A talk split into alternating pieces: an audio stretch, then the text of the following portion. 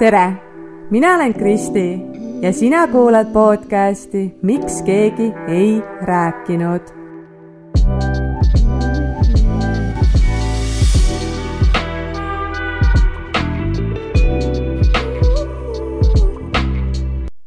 no tšauki.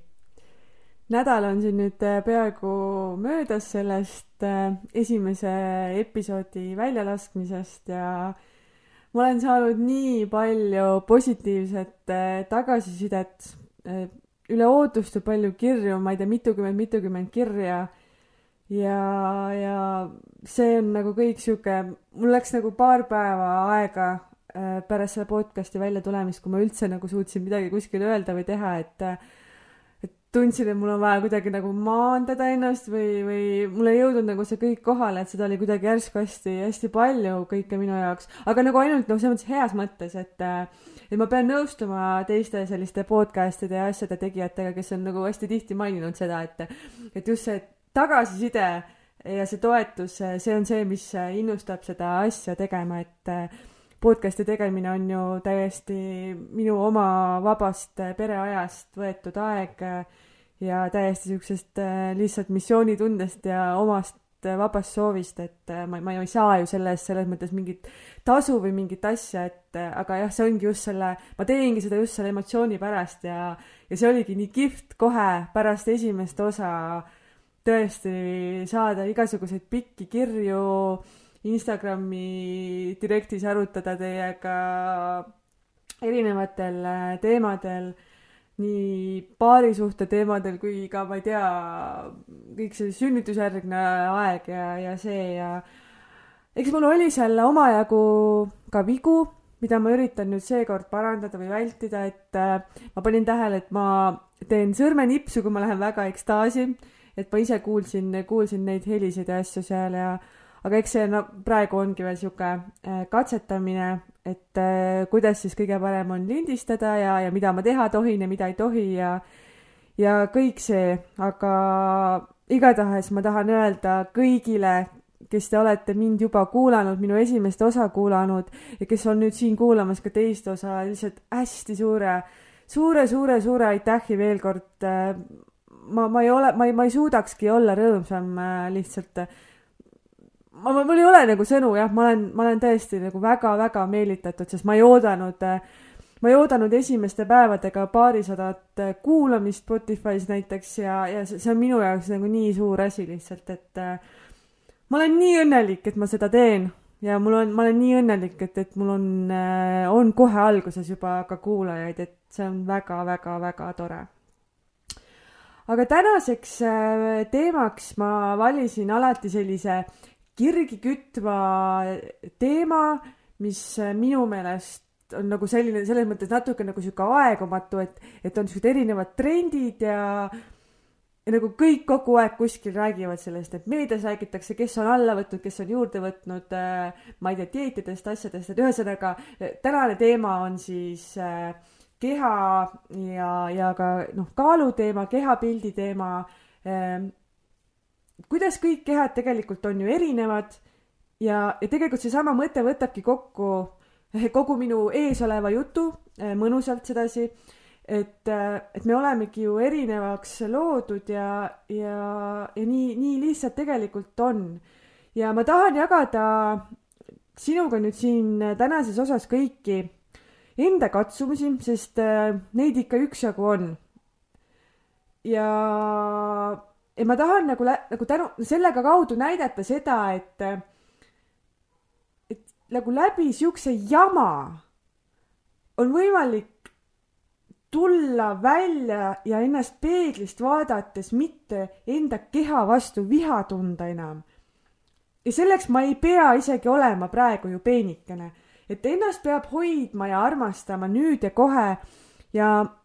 ja ma usun, et kõigil on võimalik äh, läbi suure töö äh, õppida seda, et äh,, et millegipärast on jah niimoodi läinud, et kogu see keha ja kaalunumbri ja neist tuleneva enesekindluse ja armastuse teema puudutab ikkagi väga, väga suurt osa naisi. ja kuidas enda keha ja iseenda vahele tõmmatakse ikkagi väga-väga tihti see võrdusmärk. Ja siis mida suurem on see kaalukausil siis see kehakaalu kilode number, siis seda väiksem on see eneseväärtustamine. et, et, et see, kas me oleme siis nagu peenikene või me oleme paks, et sellest siis oleneb see meie aktsepteerimine. nii meie enda poolt kui ka noh, paratamatult on nii, et, et ka mingis mõttes ühiskonna poolt. samas jällegi ühiskonna meie ju ise moodustamegi, et et ma arvan, et see jah, see, see muutus tegelikult ka selles algaks, algab iseendast, et noh, loomulikult ei ole jah, see kõikidel naistel nüüd ühtemoodi ja et, et kõik nüüd enda, enda kehaga rahul ei oleks, aga, aga ma võin jah enda tu-, tutvusringkonna järgi öelda, et et see kaalunumbrite ja mittepiisav olemise ja dieetide ja enese materdamise teema käib meie vestlustest ikka, ikka ja jälle läbi. aga alustame siis nüüd äh, minu sellest algusest. ma ei ole tegelikult äh, sünnist saati olnud kunagi kribu äh, alati olen selline noh, natukene ikkagi sihuke pehmekene olnud aga ma ei tea, väga paljud lapsed on ikka siuksed äh, voldikestega ja võib-olla siukene äh, kõhupallikene on ees ja, aga ma ei ole nagu, lapsena ma ei olnud ka kindlasti paks. ja ma ei mäleta, et ma oleks äh, väiksena kunagi mõelnud või, või tundnud ennast kuidagi paksuna ja, ja, ja siis veel läbi selle ennast väärtustanud. et sellist asja nagu üldse ei olnud. et isapoolne suguvõsa no sealtpoolt ongi nii, et see näitab nagu soodumust sellisele, ütleme isegi tugevale öö, ülekaalule. ema poolt on pigem just selline võib-olla atleetlikum ja, ja, ja kõhnem kehatüüp. Aga noh, lotoga loomulikult mina võitsin ju selle isaliini geeni, ma arvan. ja kui ma tegelikult nagu tagasi mõtlen sellele, et, et kas ma olin paks laps või või siis ma mäletan nagu mi-, mingeid seikasid sellest, et kui ma olin äh, terved pikad suved maal ja kui ma sealt äh, maalt tagasi koju jõudsin, et siis äh, mainiti küll nagu seda, et oi, et näed, sa oled seal maal kosunud. Aga ma ei osanud seda kuidagi nagu halvasti vist võtta või, või ma ei tunne, et see oleks mulle nagu mingit äh, traumat tekitanud, et äh, noh, jällegi nii, nii palju, kui ma tean, siis jah, või mäletan, et äh, süüa on mulle ju alati ikkagi väga, väga meeldinud ja eks siis vanaema rammusad praelihad ja kaneelirullid ja mitte kunagi tühjaks minev kommikapp tegi selle suure isuga koostöös siis omad tulemused. et ma küll jah, mängisin ju kogu aeg päevad otsa õues, jooksin seal ringi, võib-olla kui ma oleks, oleks olnud või juba niisugune väga selline nutiaeg ka siis tol ajal üheksakümnendatel, et võib-olla siis ma oleks ikka täitsa pisikesest peale äh, ülekaaluline olnud, aga, aga see jah, ei olnud nagu midagi niisugust meeldejäävat või, või midagi, mingit traumeerivat minu jaoks küll, et äh, samas, kui ma nüüd täiskasvanuna hindan seda enda lapsepõlve toitumist, siis äh, tegelikult või, või seda, kuidas ma nagu sõin, kui palju ma sõin siis see tegelikult, nüüd ma saan aru, et see viitab sellele, et äh, seal oli nagu midagi muud kui ainult lihtsalt äh, see suur isu. sest äh, jah, kindlasti mingi maani ongi isu suur ja kasvav laps energiat vaja, onju, aga mingist hetkest nagu see ei ole enam see, et kui ikkagi üks üheksa-kümneaastane laps kugistab äh, ühes päevas seal järjest kakskümmend kuni kolmkümmend vanaema tehtud lihapirukat sisse. no niimoodi ikka, et mind ajas täiesti oksele öökis, öökis ja mul oli nii paha. siis see tegelikult oli juba siis väiksena mul see esimene märk millestki muust, et midagi on nagu selle toiduga valesti ja, ja et ma otsin ilmselt nagu läbi selle toidu ikkagist äh, midagi muud, mingit muud head tunnet ja loomulikult jah, kui mina olin väikene, olid sihuke üheksakümnendate lõpp ja ajad olid teised ja keegi ei osanudki sellele tähelepanu sedasi siis pöörata. ja üldse toidu tegemine, see kõik oli nagu ikkagi hoopis teistmoodi, et igasugused jahukastmed ja ma ei tea, keedetud sardellid ja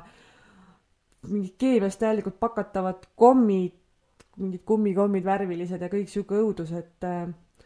ja noh, minu lapsepõlves kodus ei olnud küll, ma ei tea, mingit spinatit, brokolit, avokaadosid, äh, et selliseid asju, smuutidest ei teadnud keegi üldse mitte midagi siis vist veel. ja enda taskuraha eest ma ka ostsin ju ainult, äh, ainult maiustusi, mingit nänni kokku, et et niimoodi see, see sealt läks. Ja eks sellised suuremad kehalised muutused hakkasid äh, tekkima seal varases äh, teismeeas. kui ikka jah, keha hakkas muutuma kumeramaks, naiselikumaks, hormoonid hakkasid seal natukene oma elu elama. Äh, viiendas klassis oli vist see, kui ma juba mahtusin või noh, tähendab mu ema, mu ema teksapüksid ja mu ema riided olid mulle okeid, et need olid mulle parajad. püksid võib-olla isegi olid natuke kitsad, et ma olin jalgadest vähe jämedam isegi võib-olla kui mu ema ehk siis äh, umbes kaheteistaastaselt jah, ma olingi oma emaga juba samas suuruses või siis natukene suurem isegi. ja siis hakkas nagu see aeg ka pihta, kui ma juba koolis äh, klassiõdede kõrval hakkasin juba ennast natukene võib-olla nagu suuremana tundma. ja, ja siis sealt tekkisid juba need esimesed ilmingud ka sellest, et, et see minu kehapilt hakkas minu minu üle nagu domineerima vaikselt, see hakkas minu enesetunnet ja, ja minu enesekindlust mõjutama ja sealt tuli niisugune, ma hakkasin iseenda kehas ebamugavalt tundma ja sealt juba edasi tuligi see, et aga teised ju ei ole niisugused nagu mina, et miks nemad umbes juurde ei võta ja, ja ma hakkasin ennast äh, ennast äh, võrdlema ja siis ma tundsingi, et ju siis minul on nagu midagi viga, et mina olen nüüd äh, natukene sihuke paksukene ja see tähendab, et ilmselt ma olen ka siis kole. sest et ikkagi oli nagu, juba siis oligi siukene ikkagi mentaliteet, et kui sa oled suurem, siis see on kole ja, ja ajakirjade pealkirjad olid, et kuidas seal kümne päevaga alla võtta ja kõik rõhus ikkagi sellele peenikesele, peenikesele, peenikesele kehale et me juba kasvasime ju nagu, mina nagu kasvasin üles juba selles, et nagu peenike on nagu see ainus tee. Äh, ma mäletan, et ma sain vanaemalt äh, kaalujälgijate, sihuke grupp oli, selle punkti-raamatu ja, ja ma midagi nagu ma, ma ei mäleta nagu enam jah, kuidas see päris täpselt oli, aga midagi ma selle järgi proovisin pusida, seal olid mingid kindlad punktid päevas, mida süüa võis aga noh, teadmisi nagu sellest, et mis oli tervislik toitumine, et mul ei olnud ju üldse ja ja ma võisingi tegelikult ju need äh, punktid äh, Snickersitest täis süüa. ja ma ei, ma ei mäleta ka, et, et sellest oleks nagu mingit tulemust tulnud, et ma ei mäleta, palju ma enne kaalusin või palju ma pärast kaalusin, aga ma arvan, et ma juba siis äh, olin seal kuskil ikka sihuke kuuekümne viie kilo kanti ja võib-olla siis klassiõed olid sihuke viiskümmend viis, et äh, või isegi viiskümmend võib-olla ma ei mäleta, kuidas see pikkus ka siis oli, praegu, praegu on mu pikkus meeter kuuskümmend seitse. et jah, siis saab seda kaalusuhet nagu natukene paremini võib-olla aru. aga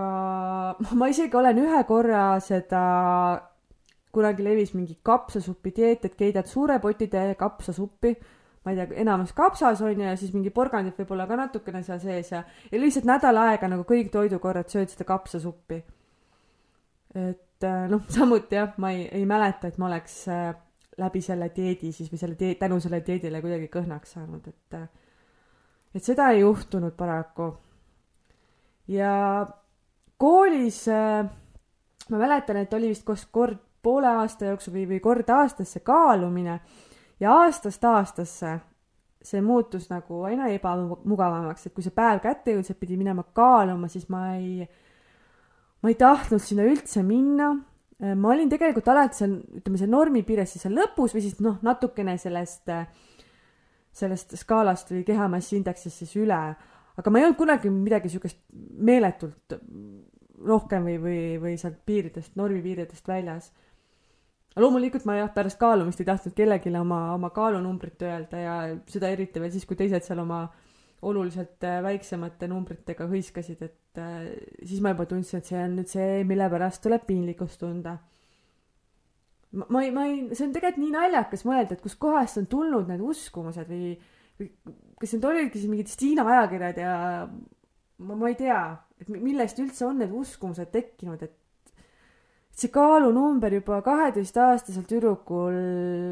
muutus nagu probleemiks ja see hakkas tema elu või noh, minu elu üle siis võimust võtma, kujundas nagu minu identiteeti või minu, minu enda arvamust endast, minu väärtust, et see on nii, noh, nii, see on nii kurb kuidagi. kooliaastad muudkui möödusid ja, ja mina sain vanemaks ja kosusin aina suuremaks ja loomulikult muutusin ju veel ebakindlamaks. Et ma ei olnud ju nagunii, ma ei ole nagu kunagi olnud selline väga enesekindel ega julge või selline ma ei tea, ma kogu aeg nagu tunnen, et ma ei ole olnud nagu teised, et teised lähevad kuskile seltskonda, kohe hakkavad rääkima, selline, ma ei tea, oskavad inglise keeles hästi rääkida ja ma ei tea, laul, laulunimesid peast ja, ja ma ei ole nagu olnud selliseid asju, sest ma kogu aeg olen tundnud, et ma olen nagu, ma ei ole nagu piisav ja ma ei et see, jah, kuidagi seda enesekindlust nagu üldse ei olnud ja see aina süvenes tänu sellele kaaluteemale ka, et see, see nagu viis seda kogu aeg veel rohkem alla. et see, mis oli, see, see ka kadus ära. ja ma tundsin kogu aeg, et mu jalad on, ma tean, et ma olen nagu kogu aeg põdenud oma jalgade pärast, et mu jalad on nii meeletult paksud, pakud. mu kintsud käivad kokku, mul on siuksed suured reied ja, ja ka sääremarjad on äh, siuksed tummised. kõhu peal on alati sihuke polster olnud ja no loomulikult need suured tissid on ju, mis kõikidele, kõikidele nagu märkamata ei jäänud.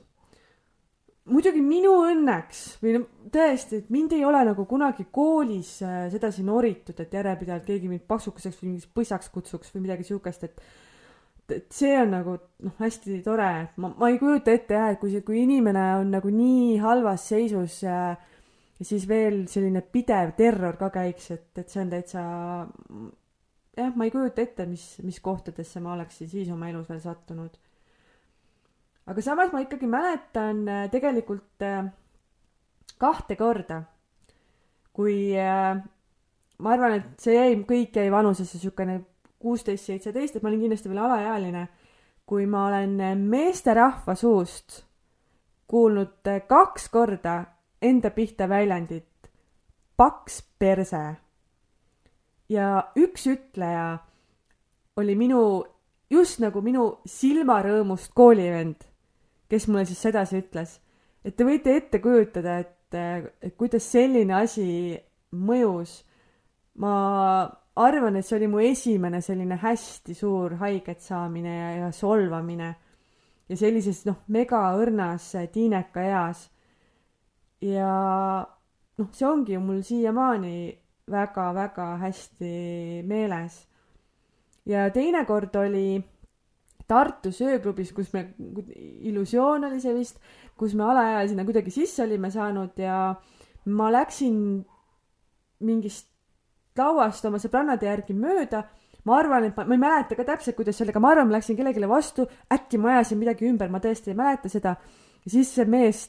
mees sealt äh, sellest lauast ütles mulle midagi stiilis, et, et ma ei tea, kuhu sa tuled, paks perse või, või vaata ette, paks perse. et see paks perse, et see täpselt seesama fraas.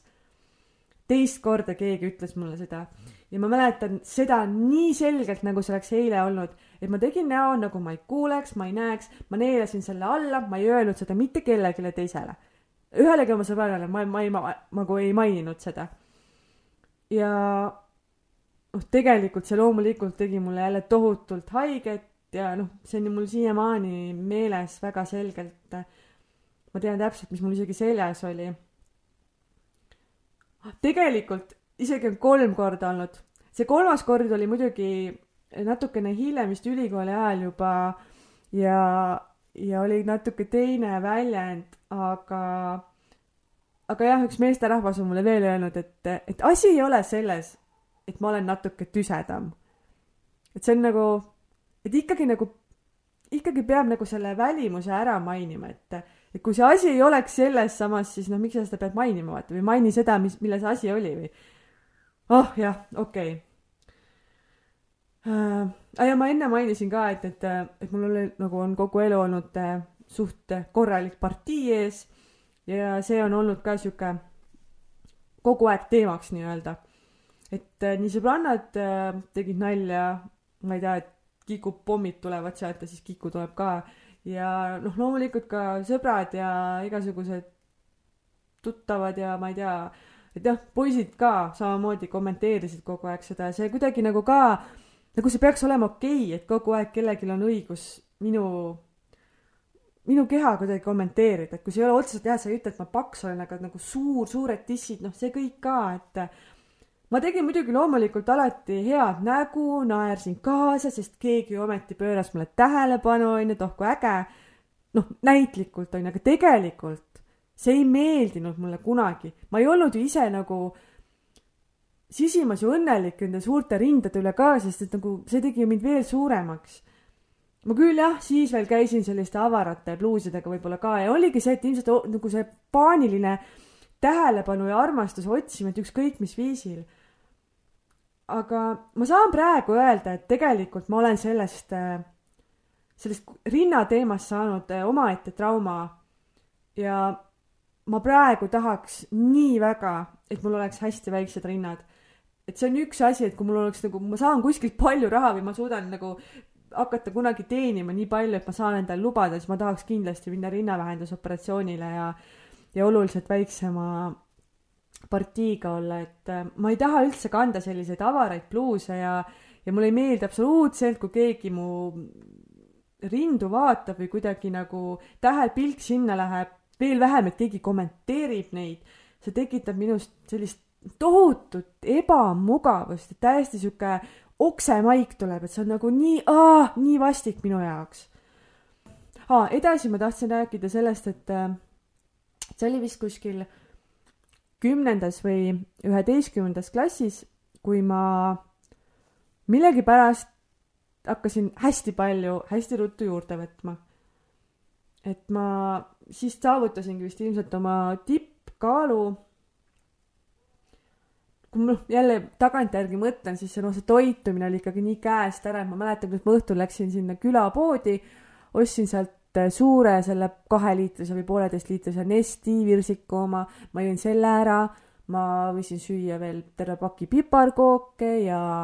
ja siis terve tahvli näiteks Kalevi ploomitükkidega ja küpsise tükkidega šokolaadi ära see oli kõik õhtul teleka vaatamise kõrvale, aga sellele eelnes õhtusöök, soe toit, eks ole, kodus, kui ma koolist koju tulin, ma raudselt olin endale juba mingi, ma ei tea, kuus võileiba teinud, pluss koolis mingi puhvetist mingi toit, et, et noh, see toit, see kogus oli siis kindlasti nagu, pidi olema nagu jah, märkis, märkimisväärselt suurem. aga ühel hetkel ma sain aru, et mu, mu riided nagu hästi ei mahu ja, ja ma pidin juba poes võib-olla isegi kaks numbrit äh, suuremaid asju hakkama proovima ja siis see lahtilaskmine sellest numbritest ka nagu tundus võimatu ja, ja see oli nii šokeeriv, nelikümmend kaks suurust pükse osta. ja need olid ka nagu natukene kitsad, et siis ma sain aru, et nagu midagi on veits nihu läinud siin, et nagu juba üle käte. ja ma mäletan, et ma istusin arvutis ja uurisin internetist võimalusi, et, et mida teha ja tahtsin kaalujälgijate selle grupiga siis liituda. et nende edulood, seal need kaalulangetuslood olid tol ajal veel väga popid ja neid ikka levis äh, päris palju. ja siis ma küsisingi emalt, et, et kas ta on nõus äh, mulle siis seda võimaldama ja maksma selle eest, et ma saaksin, saaksin sinna minna ja saaksin oma kaaluga midagi ette võtta. ja loomulikult või noh, mis loomulikult, et ta õnneks oli nõus ja me saime seda lubada. ja ma vist läksingi kohe järgmisel nädalal juba sinna esimesele rühma kokkusaamisele. mul polnud kodus kaalu ja ma ei, ma ei noh, ei teadnud üldsegi tegelikult, et kui palju ma kaalun. ma, ma arvan, et ma olin enda meelest, ma arvan, et ma olin võib-olla mingi sihuke seitsekümmend kaks on ju maksimaalselt, midagi sellist ja seal esimesel, tähendab iga seal kokkusaamisel oli siis kaalumine ja kui ma sinna kaalule astusin ja see tädi mulle ütles, et ma kaalun seitsekümmend seitse kilo, siis kogu mu maailm nagu purunes, ma olin nii suures šokis sellest numbrist, et ma kogu sellest üritusest ma ei mäleta mitte midagi, ma mäletan ainult seda, kui ma pärast trolliga linnast koju sõitsin, siis ma lihtsalt lahinal nutsin. ma olin nagu ma olin nii tohutus šokis, ma tundsin ennast nii halvasti, et see number oli minu jaoks lihtsalt nagu midagi üüratult suurt. et kui ma olen kogu aeg põdenud, ma ei tea, kuutekümmet kaheksat kilo ja siis ma olen järsku kümme kilo sellest veel rohkem, peaaegu kaheksakümmend. see oli nagu seitsmeteistaastasele minule ikkagi väga, väga suur šokk. aga ma olin seal kaaluaegade programmis hästi tubli ja sealt ma saingi siuksed esimesed paremad äh, teadmised äh, sellest tervislikust toitumisest. ma hakkasin ka siis rühmatrennides päris usinalt käima mitu korda nädalas ja minu meelest ma kuskil poole aastaga, ma läksin vist sügisel ja siis uueks aastaks äkki, ma olin juba sihuke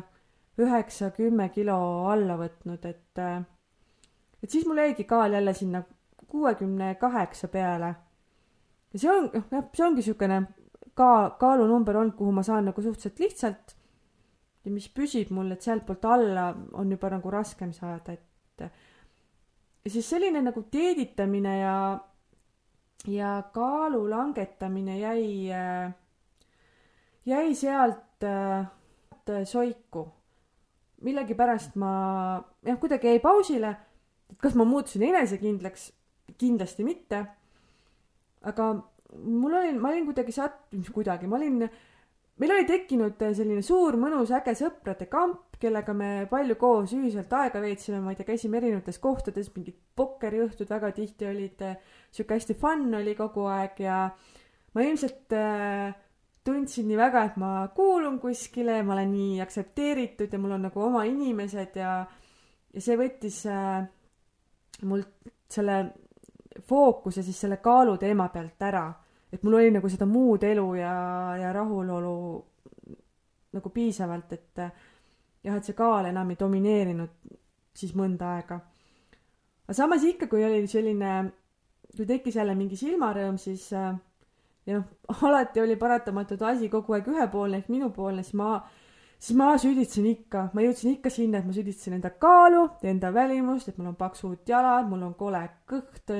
ma ei tea, mul ongi võib-olla liiga suured tissid üldse onju, et ma ei ole peenike, et asi on ikkagi selles. aga samas, kui ma praegu mõtlen, et kui üldse see kaalunumber kõrvale jätta, et kas ma inimesena olin siis huvitav, et kellega tahaks suhelda, siis tegelikult ma ei olnud ju et ma võisin ennast äh, kodus peole sättides tunda jumala hästi, tegin ilusa meigi, panin riided selga, milles ma tundsin ennast hästi. aga ikka oli nii, et kui me kuskile jõudsime ja ma olin enda sõbrannadega ja teiste inimestega, siis see kõik nagu see, see korraks tekkinud enesekindlus kuidagi nagu kohe nagu kukkus kokku ja ma ei ole, ma ei olnud üldse julge ega avatud suhtleja. ma nagu ei osanudki millestki rääkida ja ma lihtsalt äh, jõlkusin äh, põhimõtteliselt oma sõbrannadega kaasas, äh, proovisin neist kuidagi kümne küünega kinni hoida ja kui nemad siis seal üritusel kuidagi oma teed läksid, siis ma võisingi kuskil lauanurgas üksi tiksuda,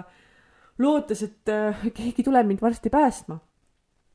ma ei olnud nagu absoluutselt inimesena selline karakter, kes oleks kuidagi köitnud endal tähelepanu tõmmanud äh, et enda, endaga suhtlema tõmbaks, et ei, ma ei olnud üldse selline. ja siis sellest tekkiski see nõiaring. et ma põdesin enda välimuse pärast nii väga ja ma ise ainult hindasin ennast äh, selle minu välimuse järgi. ja ma olin nii ebakindel. ja täiesti kindlalt usun seda, et, äh, et teised tajusid seda. ja, ja see tegigi võib-olla sellise nagu mingi kesta mulle ümber, mis nagu tõrjus inimesi, et keegi ei tahtnudki eh, tulla minu juurde. ja võib-olla jah, siis kuskil peo lõpus, kui öö, ma ei tea, pea pildituks joonuks, joonud eh, sell tuli, tuli minuga rääkima, sest ma olin seal nii-öelda, ma ei tea, üle jäänud, siis see ei olnud ju ka see, mida mina soovisin ja ma mäletan hästi, kuidas ma tegelikult väga tihti tahtsin koju minna, aga ma ei julgenud ka minna, sellepärast et, et oli, oli kogu aeg see ilmajäämise eh, hirm ja siis ma niimoodi hambad ristis seal kannatasin. ja ülikooli ajaks oli olid jah, mul kui hästi paljud sõbrad eh, juba ära läinud, kes teise linna, kes teise riiki ja kuidagi see seltskond, seltskond purunes ja, ja siis minul see kuuluvustunne ka kadus ära. ja siis, kui ma läksin ülikooli, ma ei, ei osanud kuidagi seal ka väga leida nagu mingit kontakti või ma ei tundnud kunagi, et ma kuulun sinna ja, ja sealt jälle kohe hakkas hästi nagu tugevalt see, see probleem mul enda kehaga jälle üles kerkima. et ma, ma ei dieeditanud küll seal veel nii palju, aga mul, mul tulid igasugused uh, uued uh, kiiksud. et näiteks enne, no kuna ma pidutsesin hästi palju, ma tõesti pidutsesin väga palju, siis uh, enne pidusid ma ei söönud terve päeva mitte midagi ma võib-olla jõin kohvi ja, ja vett, et, et veel vetsus käia et ma, ma ei tahtnud jumala eest, et mulle miski ajab mu kõhupunni, et mul tuleb kõht ette. siis ma veel sõin enne, enne kui ma välja läksin, veel terve lehe söetablette ka sisse, et, et nagu jumala eest kuidagi kõht ette ei tuleks, et ma saaks ikka oma selle liibuva kleidi selga panna ja et ma saaksin siis olla võib-olla kellegi jaoks piisav, äkki keegi märkab mind seal. ja, ja siis hakkas ju vaikselt tulema juba see no see oli kaks tuhat, sihuke kaks tuhat, alates kaks tuhat kümme, kaks tuhat üksteist, kaks tuhat kaksteist hakkas vaikselt tulema see selfitamise värk ka peale ja oh jumal. see oli ka sihuke hästi suur vajadus ju ennast näidata. ja siis ma võtsingi siukseid X asendeid ja poose, sättisin mingeid ebareaalseid või ebarealistlikke nurki tegelikult sinna peeglisse, eks ole, et, et ma saaksin selle ühe pildi endast, kus ma tundun siis natukene paremas vormis, kui ma reaalses elus olin. ja et ma siis saan selle pildi enda sotsiaalmeediasse panna ja kõik inimesed saavad vaadata, et kui ilus ja tubli ma olen ja siis kiita mind selle eest, mis sest, et see polnud nagu päris ja tegelikult ei olnud ju need kiitused ka siis nagu päris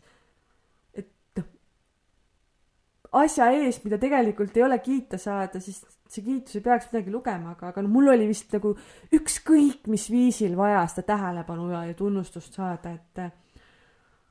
mul ei ole nagu mitte kunagi kõhulihased välja paistnud. aga sellise tühja kõhu ja, ja pingutamise äh, tagajärjel tõmmates kõhtu siis hästi sisse ja samal ajal pingutades need lihaseid õiges valguses ma suutsin vahel pildile isegi mingid äh, nii-öelda jooned sealt kõhu pealt jätta ja, ja ma poseerisin ka sedasi kuidagi tagumikku taha lükates, et, et jalgade vahele tekiks ka selline vahe, et mu kintsud ei, ei käiks kokku. aga tegelikult on mul ju terve elu need reied kokku käinud ja nii, et teksadesse kuluvad jalge vahele augud. Nad hõõruvad omavahel kokku. aga ma pidin nagu kuskilt kuidagipidi seda välja teenima, et ma olen piisav, et kasvõi sellist vale, valeillusiooni jättes siis ja, ja veel võib-olla ki-, noh, kirjutades veel sinna pildi alla, kui uhke ma enda üle olen, et, et ma ei tea, mul kõhulihased hakkavad välja tulema suure trenni ja dieeditamise tagajärjel. mul on vist need äh, mingid pildid isegi Instagramis kuskil algusaegades nähtavad, et aga see ei olnud nagu tegelikult Äh, üldse ju reaalsus, et ma ei olnud ju päriselt selline uh,. jah. aga jällegi, kui ma nagu ise ka, ma ei tahtnud tegelikult üldse kellegi, et keegi teine väga must pilte teeb, ma ei tahtnud kellegagi koos piltidele jääda, sest see oli ikkagi siukene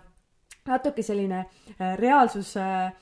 kontroll või, või näitas, noh, näitas tegelikult selle ära, et mis päriselt on ja, ja kui ma olin kuskil kellegiga piltidel, siis, siis ma nägin, et ma, siis ma ju ei näinud, kuidas ma pean ennast sättima. ja siis ma suutsin alati kuidagi või hästi nagu vale, vale nurga all jääda, vahel isegi nii vale nurga all, et nägin veel suurem välja, kui ma tegelikult olin. ja siis, kui veel keegi teine pani selle pildi ülesse minust see oli minu jaoks alati nagu nii valus ja mul oli nii häbi, et, et inimesed näevadki, milline ma tegelikult olen. aga jah, noh, vanust oli jah, üle, juba üle kahekümne tegelikult, aga mõistust ei olnud veel. ja, ja kuna vanus jah, tuli sinna kahe, üle kahekümne, siis hakkas nagu veel rohkem mind kriipima see see, et mul ei ole peikat. mul ei olnud enam neid minu sõpru. kõik hakkasid oma elu elama. mul ei olnud peikat ja ma tundsin ennast nii tohutult üksinda. ja siis ma tundsingi, et ma olen nii paks ja kole, ma ikka kogu aeg suutsin ainult sellele mõelda, et kui paks ja kole ma olen ja kõiges nagu seda süüdistada, et ja siis jälle peitsin seda mingisuguse tohutu meigi ja jõhkrate kunstripsmete taha. noh, tegelikult jah, juba põhikoolis ma olin siuke, et ilma meigita ikka kooli ei läinud ja päris, ma ei tea, vist kümnendas klassis ma juba panin endale need äh, kunstripsmed ja ikka siuksed pikad ja paksud. aga noh, kuidagi nagu oli vaja kogu aeg ennast nagu paremaks teha väliselt, tuunida. ja, ja siis käis nagu uuesti siukene suurem klikk ära, et ei, et nagu päriselt Kiku, et kui sa nüüd alla võtad, nüüd, kui sa lähed trenni, hakkad täiega trenni tegema ja ja väga vähe sööma, et, et, et siis nagu Kiku, sa saad omale selle peika ja armastuse ja sa oled ka õnnelik ja sul on ka äge elu. ja siis ma hakkasingi uuesti, tegelikult see oligi, ma olin kaks tuhat kolmteist aasta suvel, ma sain jälle äh, armastuselt tohutu löögi ja hästi palju haiget ja, ja ma ei saanud aru, mida ma jälle valesti tegin ja kas ma tõesti ei ole piisav ja, ja sealt mul tekkis mingisugune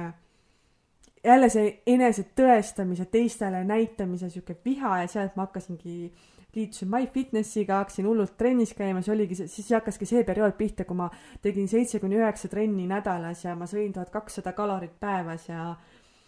ja ma noh, tegelikult ma, ma läksingi ütleme siis sellise elu võib-olla parimasse vormi, et mul ikkagi nagu juba oli nagu trimmis, et ma, ma, ma kaalusin küll vist minimaalselt kuuskümmend kuus kilo aga noh, vormi suhtes tegelikult ma olin juba niisuguses mõnusas, tegelikult täitsa heas vormis, aga loomulikult ma ise ennast ei näinud, ma nägin ikka seda numbrit kaalul ja et ma ei ole piisav, ma olen ikka paks. aga sealt ma arvan siis, kuna mu keha oli sellest toidu defitsiidis päris pikalt, pluss ma emotsionaalselt olin ikkagi täiesti sassis, siis sealt mul hakkasid tekkima need meeletud emotsionaalsed söömasööstud, eh, kus ma, kus ma võisin muu puudumisel kas või paljalt tooreid makarone süüa,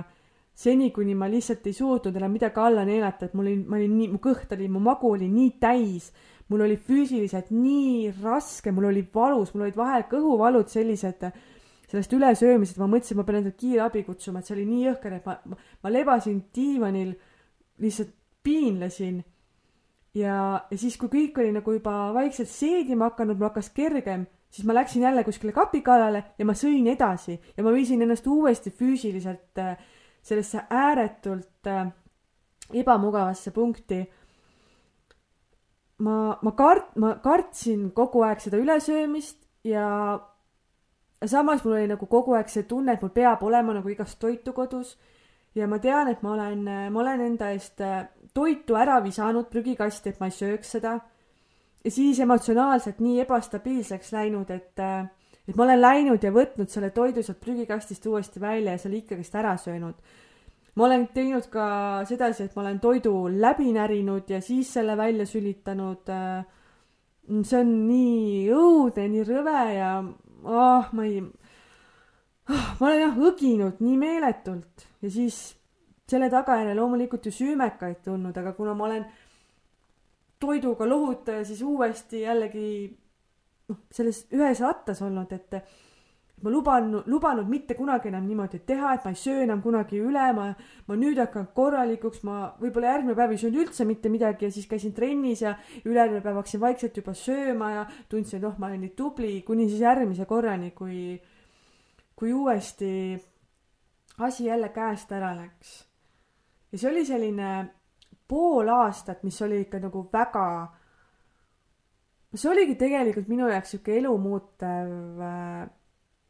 hetk, et ma lõpuks nagu pidin kodust välja kolima, omale ise jalad alla saama ja ja ma sain aru, et, et see, see, mis minuga toimub, et see ei ole kuskilt otsast okei okay,, et see ei ole lihtsalt suur isu või, või ma sain aru, et see on midagi täiesti ebanormaalset ja ja õnneks ma jõudsin kuskilt selle kompulsiivse toitumishäireni ja ma lugesin selle kohta ja, ja ma sain aru, et, et, et see on ilmselt asi, mis, mis võib mul olla. ja ma tundsin, et ma ei taha niimoodi elada, et, et see, see, see oli nagu, see oli nii hirmus ja õudne ja, ja väsitav minu jaoks. ja tänu jumalale ma tõesti, ma otsisin abi, ma läksin kõigepealt psühhiaatri juurde. Rääkisin seal oma loo ära ja, ja noh, loomulikult selle toitumishäire kõrval oli mul ka tugev depressioon tekkinud. et äh, siis ma hakkasingi psühhiaatri juures käima, ma sain antidepressandid ja selle psühhiaatri kõrvalt, tema siis suunas mind omakorda veel äh, toitumisteraapiasse ja psühholoogi juurde kus ma siis ka iga paari nädala tagant äh, käisin, tegin sellist eneseanalüüsi ja täitsin igast küsimustikke ja, ja proovisin kõike seda lahti mõtestada ja, ja kuidagi jah, sellest välja tulla.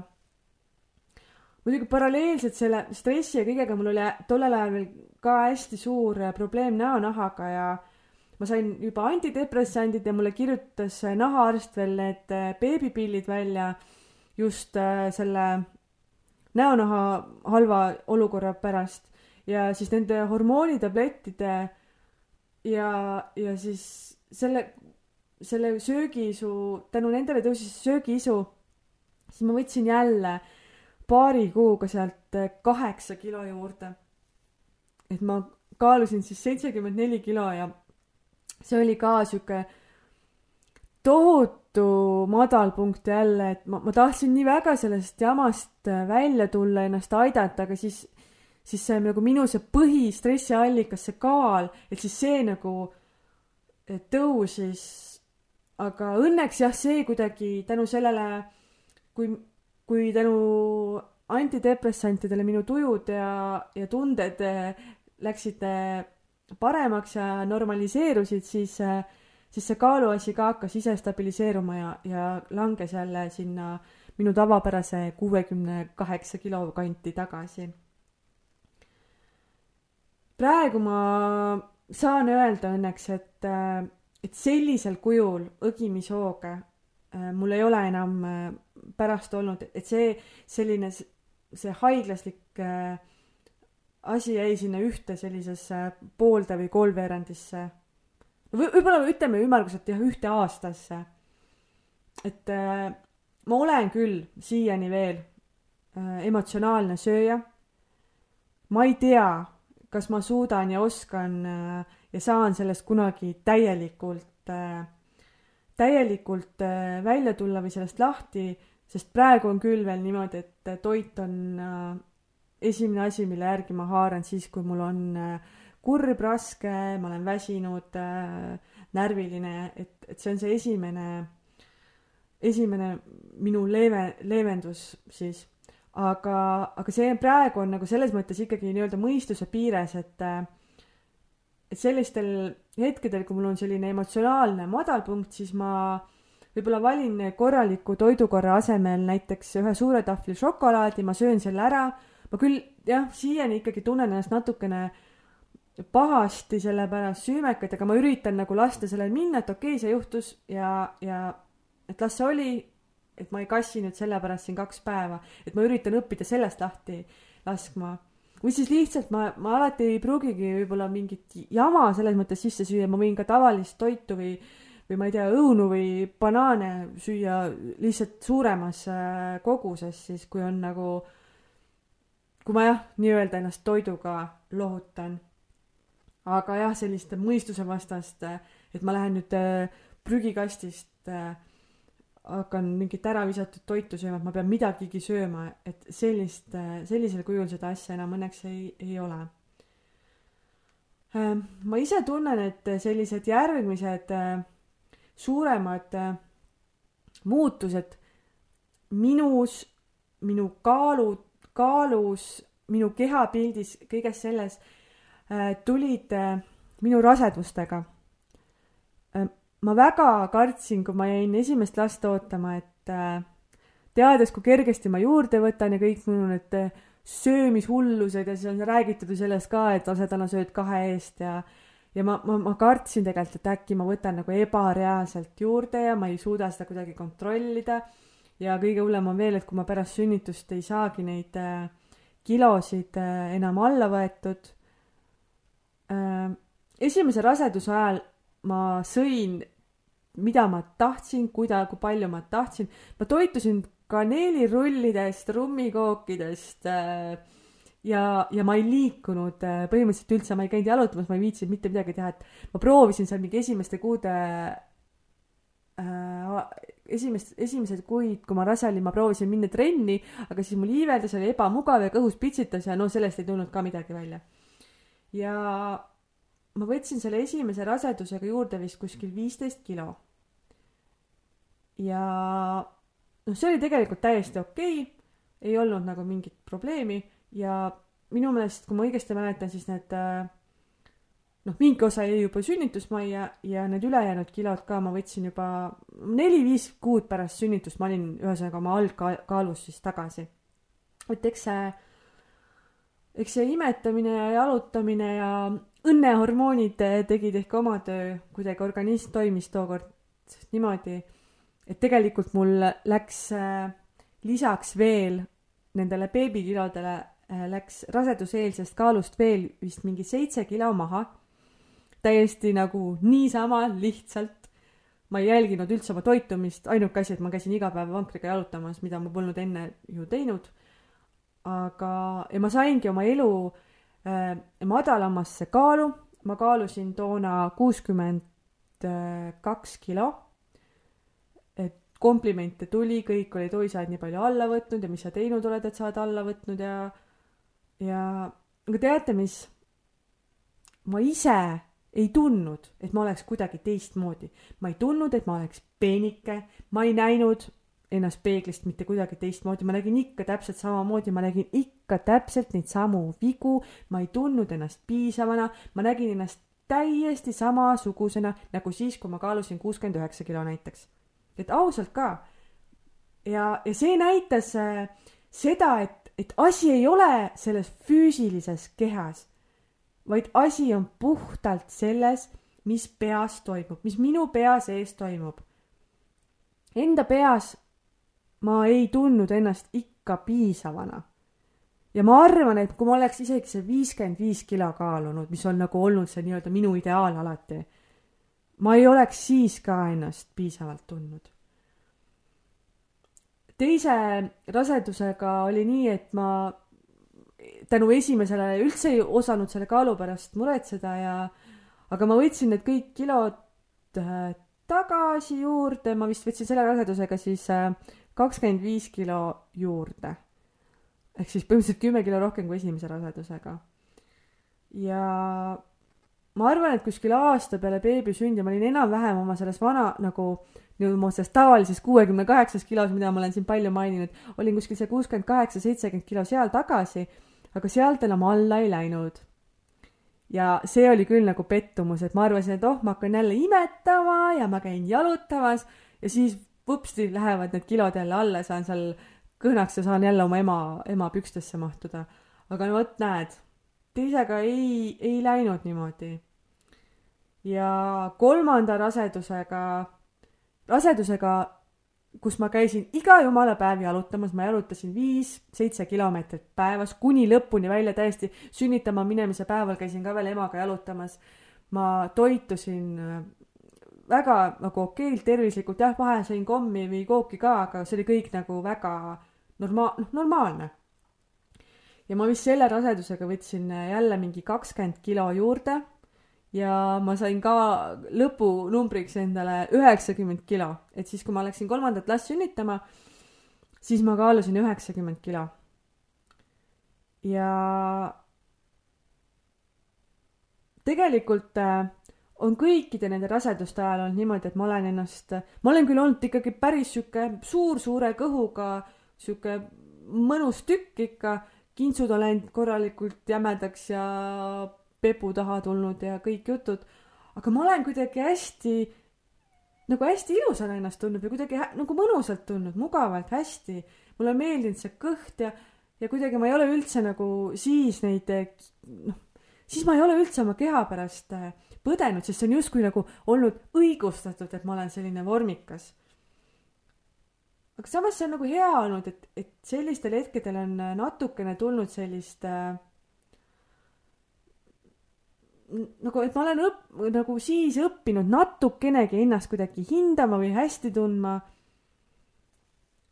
ma ei tea. igatahes peale kolmandat last äh, mul need beebikilod, noh, ilmselt vanust on ka ikkagi tulnud juurde juba viis aastat võrreldes esimese lapsega. mul ei tahtnud need beebikilod enam üldse maha minna. et sünnitusmaja seal alguses jäi midagi, aga, aga edasi ei läinud üldse nii nagu kahe eelmisega, et isegi sinna algkaalu ma tagasi ei saanud, et ma vist üheksakümne pealt sain seal seitsmekümne kaheksa peale ja siis see seitsekümmend kaheksa jäigi mulle tükiks ajaks. aga kuna ma olin otsustanud äh, pärast kolmanda lapse sündi, et ma hakkan äh, iseennast väärtustama, iseennast äh, kuidagi elus paremasse paika viima, ennast toetama, aitama, et ma ei jäta ennast unarusse. kuidagi need äh, kaardid jooksid niimoodi ja ma kohe paar kuud pärast sünnitust liitusin Katre Kulboki enesearmastuse väljakutsega, mis oli selline kolmekümnepäevane programm, kus iga päev olid mingid väiksed ülesanded ja selline endasse vaatamine ja, ja tulid mingid tööriistad ja uskumuste muutmised ja üks asi oli seal kiri kehale, mis on hästi ilus, ilus kogemus, kuidas enda keha, kehaga kirjutadagi enda kehale ja, ja rääkida selle kehaga ja paluda talt andeks äh, kõige halva eest. Äh. ja kuidagi läbi selle programmi, ma olen seda programmi teinud vist kas kolm või neli korda selle eelmise aasta jooksul siis äh, läbi. ja, ja tänu sellele ma kuidagi sain aru, et, et nagu ükskõik, milline ma nagu praegusel hetkel olen, siis äh, ma pean olema iseenda number üks ja ma pean nüüd ja kohe ennast aktsepteerima hakkama. et, et ma ei pea ootama seda, et, et kui ma jõuan kunagi mingisse X punkti, et siis, vaid kohe praegu. ja ma ei pea varjama seda, kes ma praegu olen, et milline ma praegu olen, mingid klikid käisid ära. et ma sain nagu aru, et, et see, noh, pärast kolmandat last ongi see kõht, kõht on lodev, mul on tulnud mingid uued venitusarmid aga need ei ütle ju tegelikult minu kohta midagi, et see on lihtsalt üks pisikene osa minust, ma võtsin, ma võtsin endas hästi teadlikult äh, vastu selle otsuse, et, et ma olen praegu sellisena ka enda jaoks piisav ja okei. Okay ja, ja kuidagi nagu ma ei, ma ei, ma ei tea, kuidas või kust see tuli, kas see oli tänu sellele programmile või ma ei tea, aga, aga ma, ma suutsin äh, hakata endas äh, leidma mingit rahu, ma suutsin hakata iseendaga rahu tegema. ja see ei ole muidugi tähendanud ju seda, et, et kui ma nüüd teen endaga äh, rahu, et ohoh, ma olen praegu selline natukene siit, ja sealt ponsu, et, et, et see võiks kuidagi muutuda et loomulikult äh, ma võin ju tahta ikkagi praegu muutuda paremaks, aga see, see ei tähenda seda, et ma pean ennast pra-, et, et kui, kui ma tahan muutuda, et siis ma pean ennast vihkama. et muutumiseks ma pean ennast vihkama, et ei ole niimoodi ju tegelikult, et see on just vastupidi, et ja ma pean ennast armastama praegu, ma pean hoolima endast ja siis seeläbi iseennast rohkem hoidma. ja kui ma hoian ennast ja hoolitsen enda eest, siis see lihtsalt nagu ongi asjade loomulik käik, et, et see keha muutub, kui ma olen midagi enda jaoks ju paremaks muutunud, oma elustiilis midagi paremaks muutnud. kui ma toitun tervislikult, see ei tähenda seda, et ma pean sada protsenti mingit mega täpselt ja ideaalselt toituma, aga ütleme, just see suur pilt loeb, et ma toitun tervislikult, ma, ma liigun igapäevaselt ringi, ma käin nädalas mitu korda trennis, samas ma ka oskan puhata, eks ole, et ma, ma puhkan, ma magan, ma taastan, taastun. Ja, ja ma kuidagi jah, astusin mingisuguse suure ja sellise vabastava sammu, tehes iseendas rahu ja, ja, ja väikese sellise eneseületusena või nagu kuidagi niisugune väikene tõestus tegelikult iseendale, et ma olen selle teinud, oli see äh, julgus siis ka ennast teistele esimest korda elus äh, näidata sellisena, nagu ma olen, et ma tean, et ma postitasin Instagrami mingi äh, pildi, kus ma istun peegli ees, peegli selfie, täiesti suvaliselt istun ja mu kõhuvoldid on näha. et seda tegelikult oli, mul oli sellel hetkel nagu hirmus postitada ja ma mõtlesingi, et võib-olla, mis mu mingid vanad silmarõõmud mõtlevad või vanad mingid tuttavad tüdrukudki ja et mis nad mõtlevad, kui nad seda näevad aga siis ma lasin sellest lahti mõtlesin, aga mis vahet sellel tegelikult on. et, äh, et jah, mul ongi selline kõhupekk ja ma kaalungi praegu pärast kolmandat last ja pärast kolme kuud äh, sünnitust äh, seitsekümmend kuus kilo. ja mul ei ole kuhugile kiiret, ma ei pea muutuma endiseks, ma ei olegi endine, mu keha on teinud kolm rasedust ja sünnitust läbi, see ei olegi sama, mis enne lapsi see ei tähenda seda, et ma ei võiks hoopis võib-olla praegu pärast kolmandat last olla veel paremas vormis kui enne lapsi, aga ma ei pea olema ka seesama. ja ma ei pea ennast sellepärast kuskile ära nüüd peitma. et ma, ma ei ole mingis ideaalses äh, vormis. et äh,, et ma ei ole ju ainult minu keha, mis peab kuskile sobituma ja ja umbes, et kui see sinna ei sobi, siis äh,, siis mina inimesena ka ei sobi nüüd enam kuskile et see ei ole ju nii. ma ei ole, ma ei ole jätnud äh, päris niimoodi midagi tegemata või, või kuskil käimata jätnud selle enda keha pärast või enda keha pärast põde-, enda keha pärast põdemise pärast, enda keha põdemise pärast, issand, ma ei tea, midagi täitsa sassisin äh,. aga, aga ma tean, et äh, on ju tegelikult hästi palju inimesi kes tegelikult ka ei suuda minna kuskile. et, et iseendasse ollakse enda keha pärast nii ebakindel, tunna, tuntakse ennast mitte piisavana, tunna, tuntakse ennast äh, koledana ja paksuna noh, enda väärtust näha, nähaksegi ainult enda kehas ja põhilised mõtted käivad selle ümber, et mida teised arvavad. Ma ei saa minna lastega spaasse või randa või, või seal kuuma ilma puhul trikoos merre jahutama minna, sest mida see teine inimene seal kõrvaltekil minust mõtleb. issand, ta näeb mu tselluliiti, ta näeb, et ma olen vormist väljas. ma ei tea, ta näeb, et mul on äh, venitusarmid või, või natukene sihuke pehme kõhuke või, või ära vajunud rinnad. aga nagu kui ma küsin praegu sinult, et, et isegi kui ta vaatab ja mõtleb sinust midagi, see inimene, see teine inimene seal, siis mis vahet sellel on? et miks see, miks see täiesti võõra inimese arvamus, keda sa võib-olla suure tõenäosusega mitte kunagi rohkem oma elus isegi ei kohta, ta ei tea sinust mitte midagi, ta ei, ta ei tea, kes sa oled, kui vana sa oled, millega sa tegeled, mis sulle meeldib, milles sa hea oled, ta ei tea sinust mitte midagi et miks see, miks selle võõra inimese arvamus loeb sulle nii väga ja, ja see hirm ja, ja see kõik, see kõik takistab sul sinu elu elamast, sinul oma mälestuste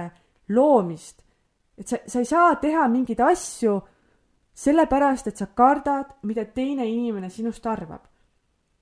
et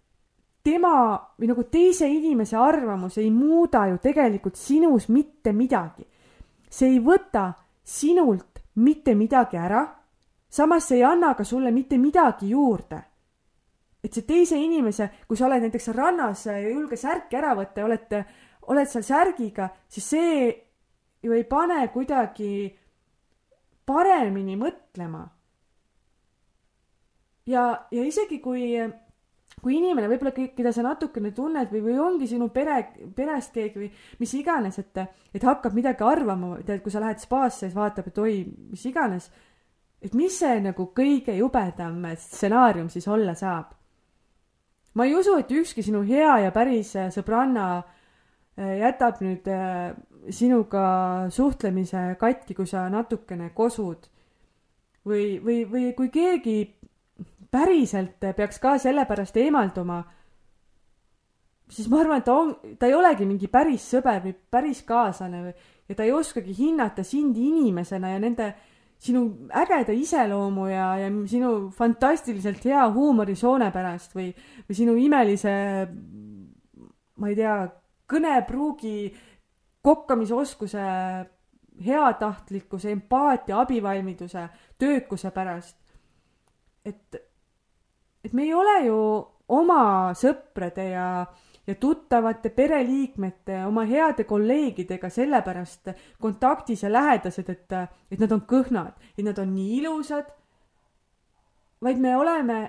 sellepärast ju nendega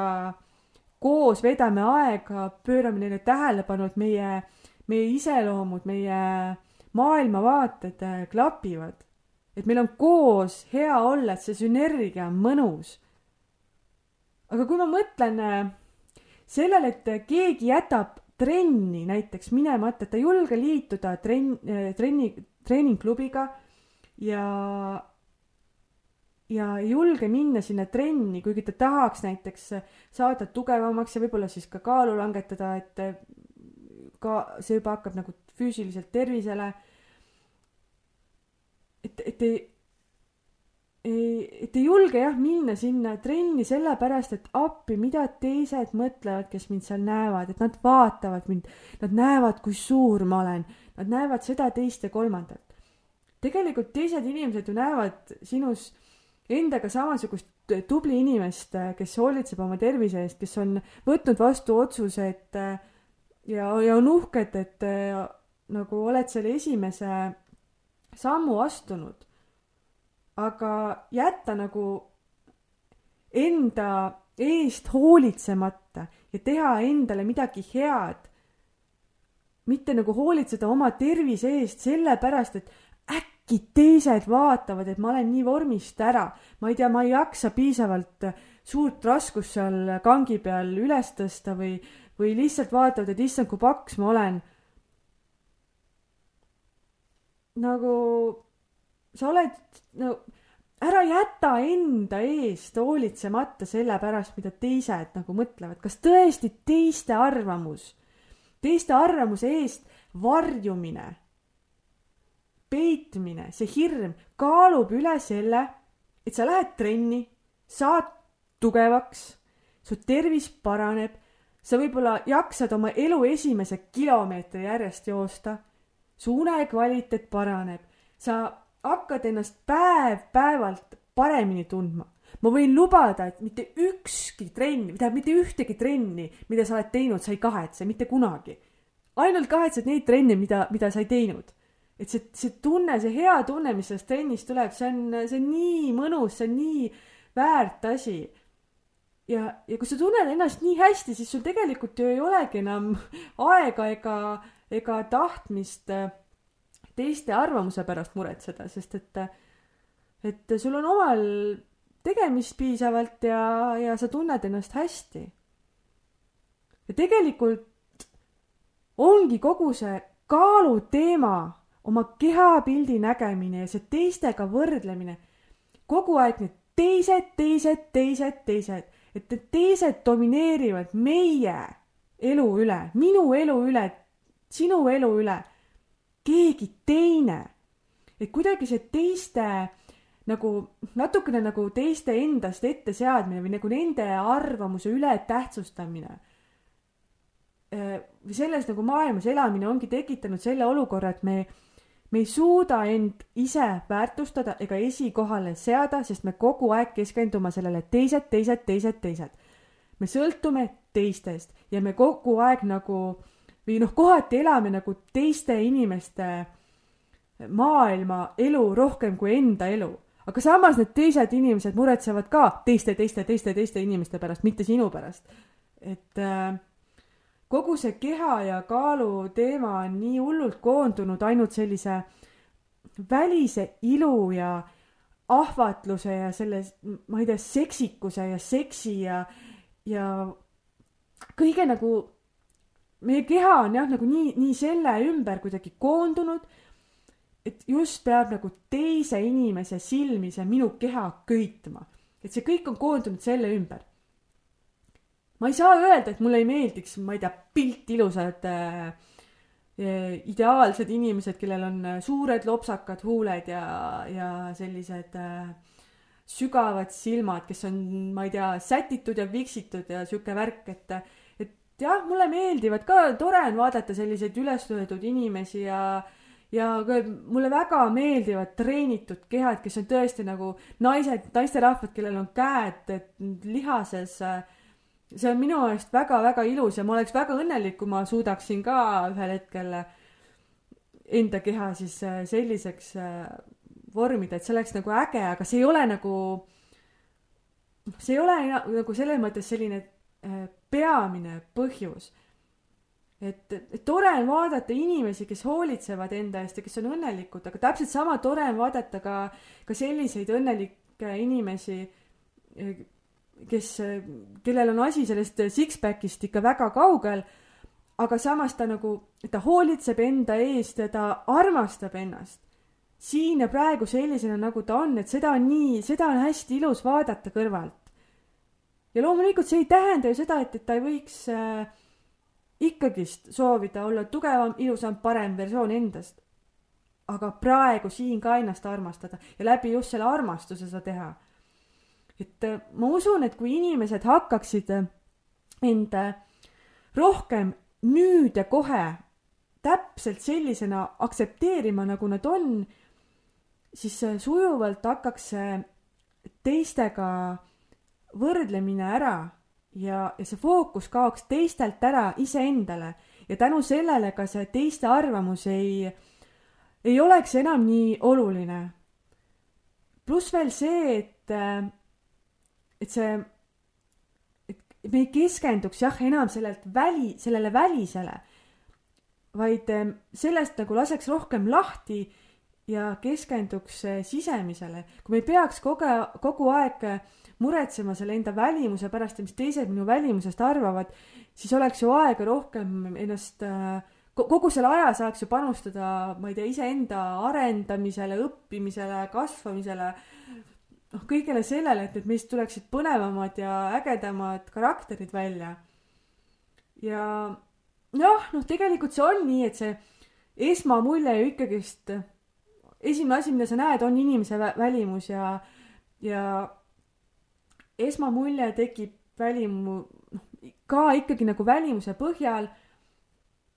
et, et üldse jah, sa tahaksid selle inimesega võib-olla mingit kontakti leida, et et kui sa ikka oled niisuguste rasvapulkas juuste ja ma ei tea, mustade katkiste haisvat, haiva, haisvate riietega, siis see noh, ilmselgelt see ei ole kellegi jaoks kuidagi köitev, kutsuv, et noh, see on natukene nagu teine teema. aga, aga see, et kui mul on näiteks mingisugune kõver nina, ma olen sündinud sellise ninaga või, või võib-olla natukene vajunud laugudega, et et see on nagu osa minust või mul on teretähnid, mida ma ka olen mingitel perioodidel elus natukene nagu põdenud. aga noh, see on nagu, need on asjad, mis on nagu looduse poolt mulle antud ja miks nagu nende pärast nii hirmsasti äh, põdeda ja elu elamata, et, et äh, ja me ju ise hoiame teisi inimesi, vähemalt ma tahaks uskuda küll, et enamus inimesed teevad nii, et, et, et sa hoiad teisi inimesi enda ümber ikkagist äh, äh, sellepärast äh, pigem, mis ta sees on, mitte niivõrd äh, mis, mis, mis tema väljaspoolt siis paistab. et äh, ja kui sa ei usu seda nagu enda puhul, et teised inimesed on sinuga sinu, sinu iseloomu, sinu loomuse pärast ja arvad, et välimus ikka, ma ei tea, loeb kõige rohkem ja on kõiges süüdi, siis mõtle nüüd natukene nagu, astu korra nagu kõrvale endast selles mõttes, et mõtle enda sõpradele, tuttavatele, et kui sa, kui sa neid inimesi iseloomustad, siis millest sa alustad, et, et kas sa hakkad nende iseloomu, nende häid omadusi välja tooma või üldse nende karakterit välja tooma või hakkad rääkima sellest, et tal on punased juuksed ja roheline silmavärv ja ta kaalub, ma ei tea, kuuskümmend viis kilo. Et tegelikult ma usun, et, et sa mõtled ju ikkagi esimesena iseloomule ja usu mind, teised mõtlevad samamoodi iseloomule.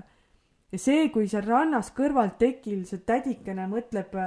et issand, mis, ma ei tea, venitusarmid sul jalgadel on, siis no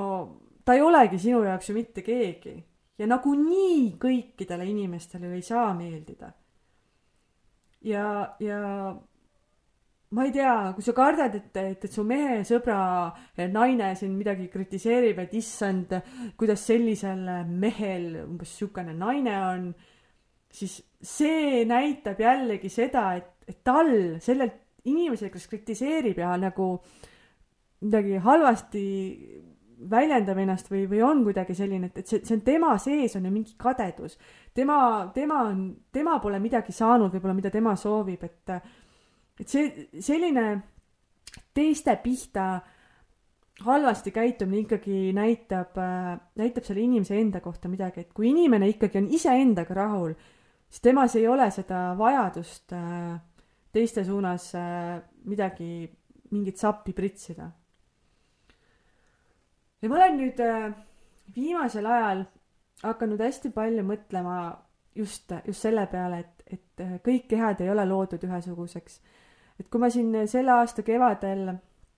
tegin toitumisnõustaja pluss programmi kaasa ja, ja ka Elisega, eh, selle toitumisterapeudiga rääkisin, siis äh, me rääkisime sellest, et, äh, et kõik kehad ei olegi loodud saama peenikeseks ja äh, mõnel inimesel väga kergesti kaal langeb ja teine peab roppu vaeva nägema ja võib-olla ei jõuagi, ei jõuagi mingite enda ideaalsete numbriteni, sellepärast et tema keha ei olegi loodud selliseks. et kõiki inimesi ei olegi loodud kriipspeenikesteks. meie, meie keha, kehad toimivad täiesti igaüks omamoodi, ainevahetused on erinevad, rasvaprotsendid on erinevad, meie kehakujud on erinevad, kes on, äh, ma ei tea, pirn, kes on õun, kes on liivakell, onju. samamoodi me ei saa oma pikkusi kontrollida, et äh, selles mõttes, et noh, mõni keha ongi loodud väga peenikeseks, et tee, mis tahad, ma ei tea, hommikust õhtuni mäkki süüa ja ta on ikka peenikene. ja teine on nii-öelda siis priskem, et ma arvan, et nagu tähtis on see, et, et, et see vahemik et ikkagi oleks nagu selles mõttes tervislikus kaaluvahemikus, et, et mingile maale sa, kõik inimesed saavad ju oma kaalu ikkagi nagu alandada ja, ja hoida, et, et see oleks ikkagi tervislik, et meeletult suur ülekaal, see ei ole nagu täna see teema, millest ma räägin. et väga suur ülekaal, seal nagu asi ei ole jälle välimuses, seal on need tervisefaktorid, mis, mis hakkavad mõjutatud saama sellest ülekaalust, aga, aga see on jah, mõne teise, teise korra teema, et et ühesõnaga, me oleme loodud igaüks oma näoga,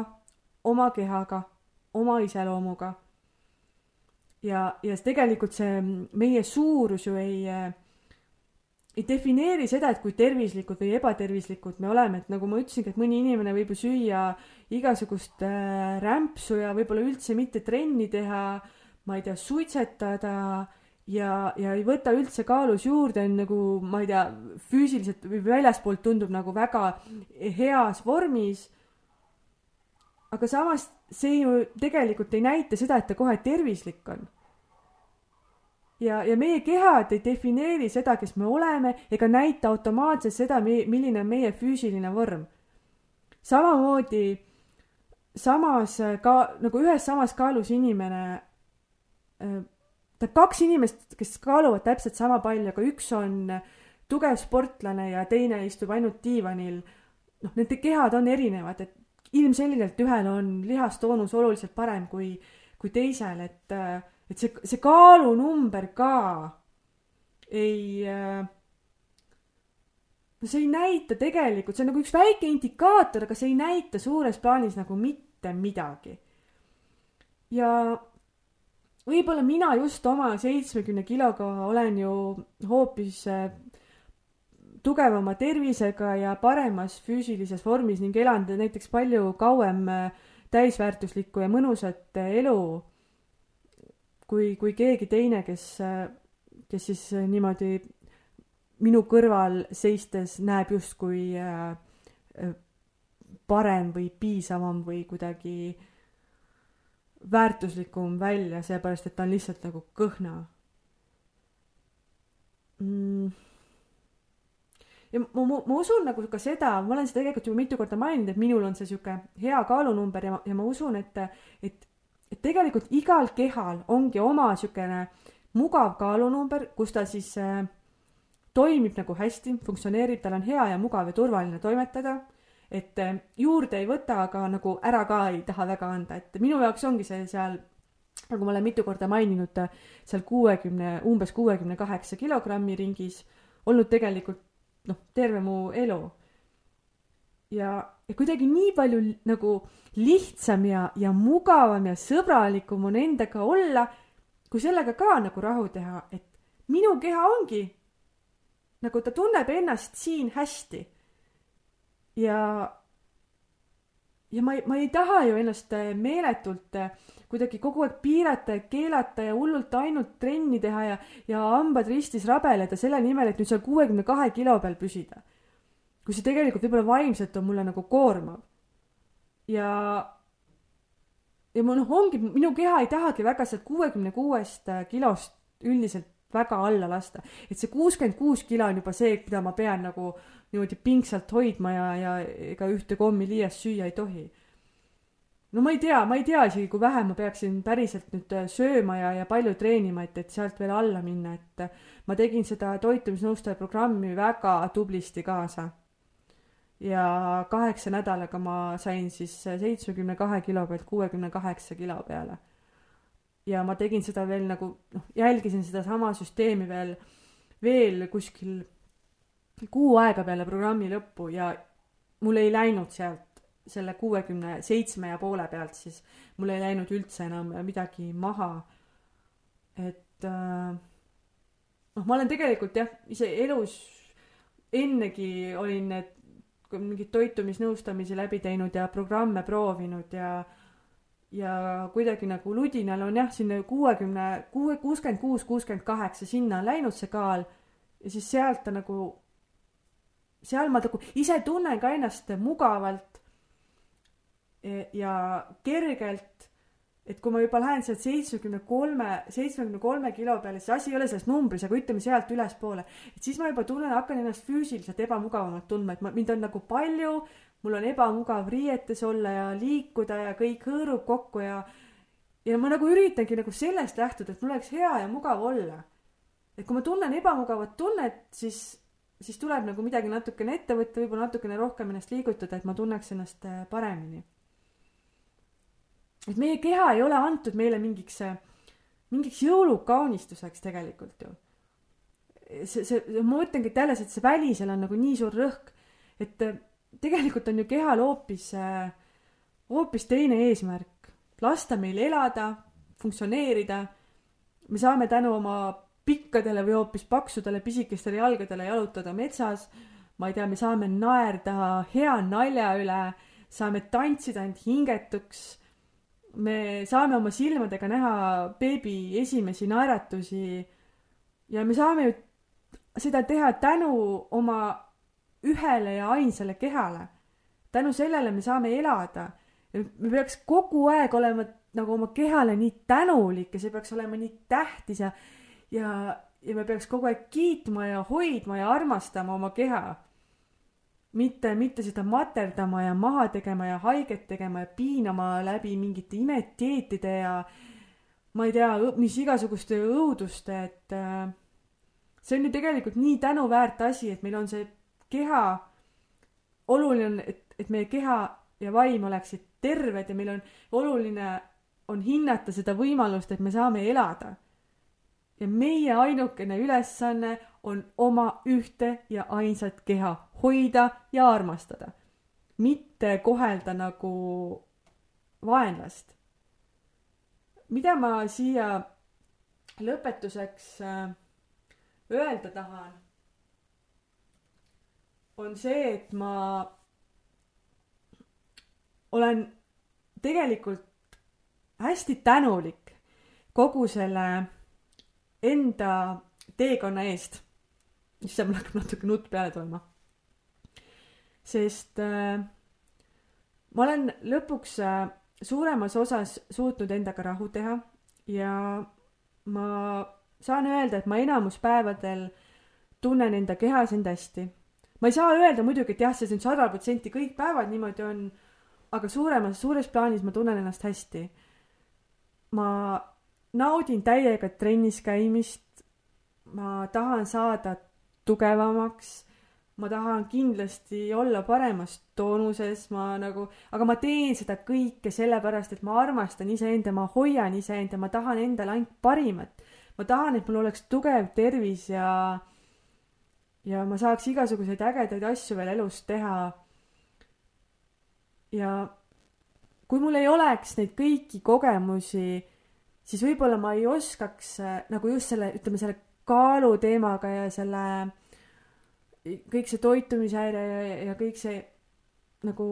endaga sõbraks saamise teekond on olnud, et kui mul ei oleks seda kogemust, siis võib-olla ma ei oskaks üldse hinnata või ma ei, ma ei oleks võib-olla osanud hakata tähelepanu pöörama sellele tervisele, enda eest hoolitsemisele, tervislikule toidule, võib-olla ma siiamaani sööksin neid sardelle ja, ja ma ei käiks trennis, sest et kui ma oleks nagu peenikene olnud, et ma poleks nagu seda vajadust näinud, aga tegelikult, mis see mu kehale teeb ja mis muud haigused võivad sellega kaasneda ja, ja, ja kõik see, et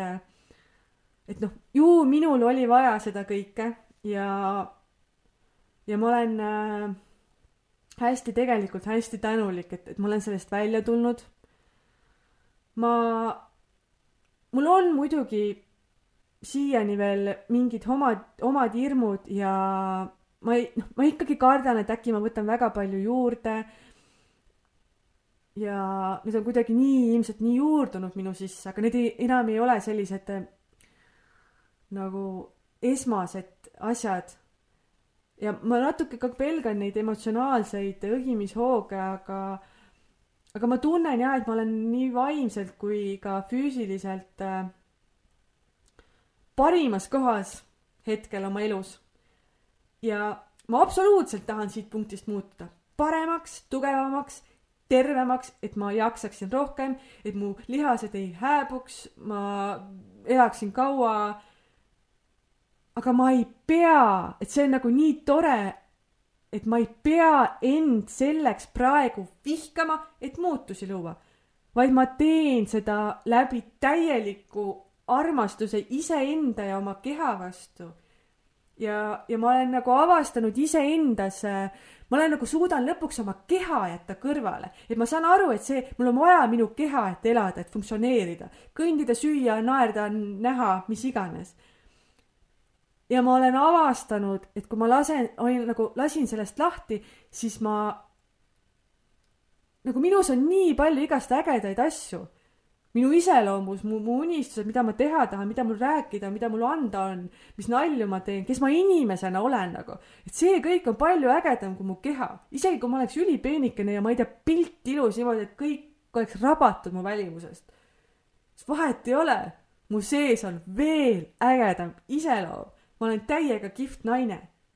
ja tõesti, sina oled ka päriselt, leia see endas ülesse ma tõesti, ma, ma nagu nii, nii väga loodan, et sa said siit äh, minu tänasest äh, loost endale mõtteid, uusi mõtteid, võib-olla vanu mõtteid tuli uuesti nagu, tulid meelde. ja et sa tõesti armastad ennast just sellisena, nagu sa praegu oled. ja sa lihtsalt hoolitsed enda eest, muutud paremaks ja oled iseendana õnnelik. täna sai siin nüüd igavesti pikk jutt. tänaseks ma nüüd tõmban äh, otsad kokku ja, järgmise nädalani. tšau.